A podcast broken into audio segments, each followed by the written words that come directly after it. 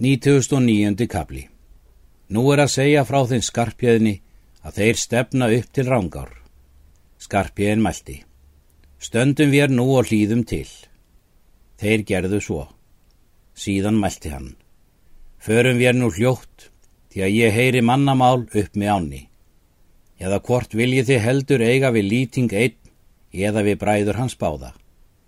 Þeir hvaðast heldur vilja eiga við lýting einn.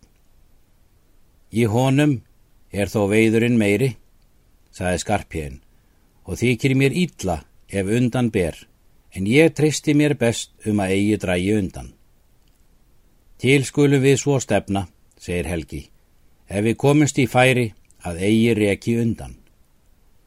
Síðan gengu þeir þangað sem skarpjén hafði heyrt mannamálið og sjá hvar þeir lýtingur eru við lækheit. Skarpjén hleypur þegar yfir lækin og í melbakkan öðrum megin. Þar stóð Hallgrímur á uppi og þeir bræður. Skarpjön höggur á lærið Hallgrími svo að þegar tók undan fótinn en þrýfur Hallkel annari hendi. Lýtingur lagði til Skarpjens. Helgi kom þá að og brá við skildinum og kom þar í lægið. Lýtingur tók upp stein og laus Skarpjön og varð Hallkell laus. Hattkjall leipur þó upp á melbakkan og kemst eigi á upp annan veg en hann skýtur niður knjánum.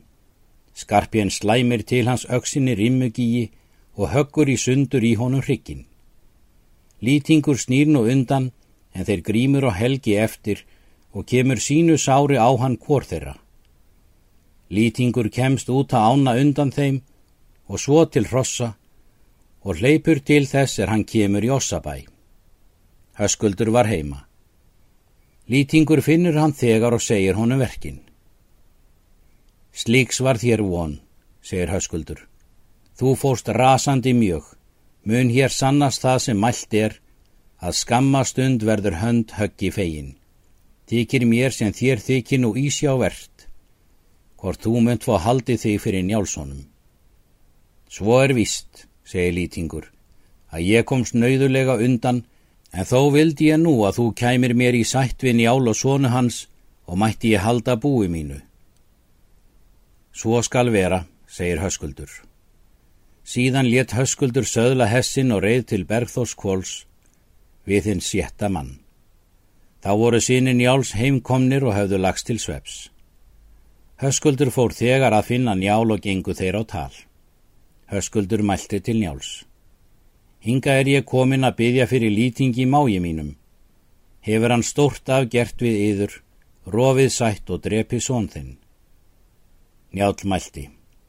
Lýtingur mun þykjast mikið afhróð goldið hafa í láti bræðra sinna, en ef ég gerir nokkurt kost, á þá mun ég þín láta njóta og mun ég þó það skilja fyrir sættina að bræður lýtings skulu óhelgir fallið hafa. Lýtingur skal og ekki hafa fyrir sársín en bæta höskuld fullum bótum. Það vil ég, segir höskuldur, að þú einn dæmir. Njál svarar, það mun ég nú gera sem þú vilt. Vilt þú nokkuð, segir höskuldur, að sínir þínir séu við. Njál svarar, ekki mun þá nær sættinni en áður, en halda munu þeir þá sætt er ég geri. Þá mælti höskuldur. Lúkum við þá málinu og sel þú lýtingi grið fyrir sónu þína. Svo skal vera, segir njál.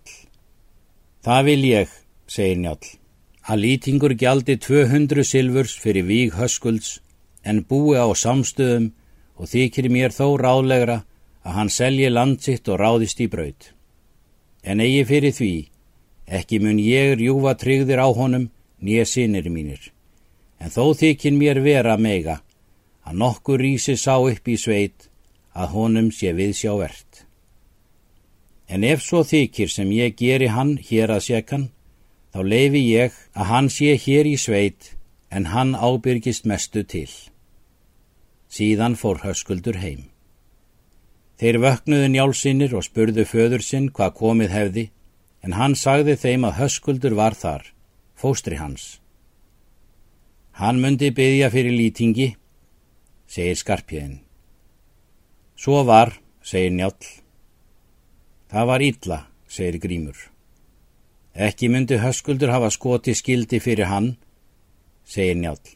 Ef þú hefur drepið hann, þá er þér var ætlað. Teljum við ekki á föðurvorn, segir Skarpjén. Nú er að segja frá því að þessi sætt helst með þeim síðan.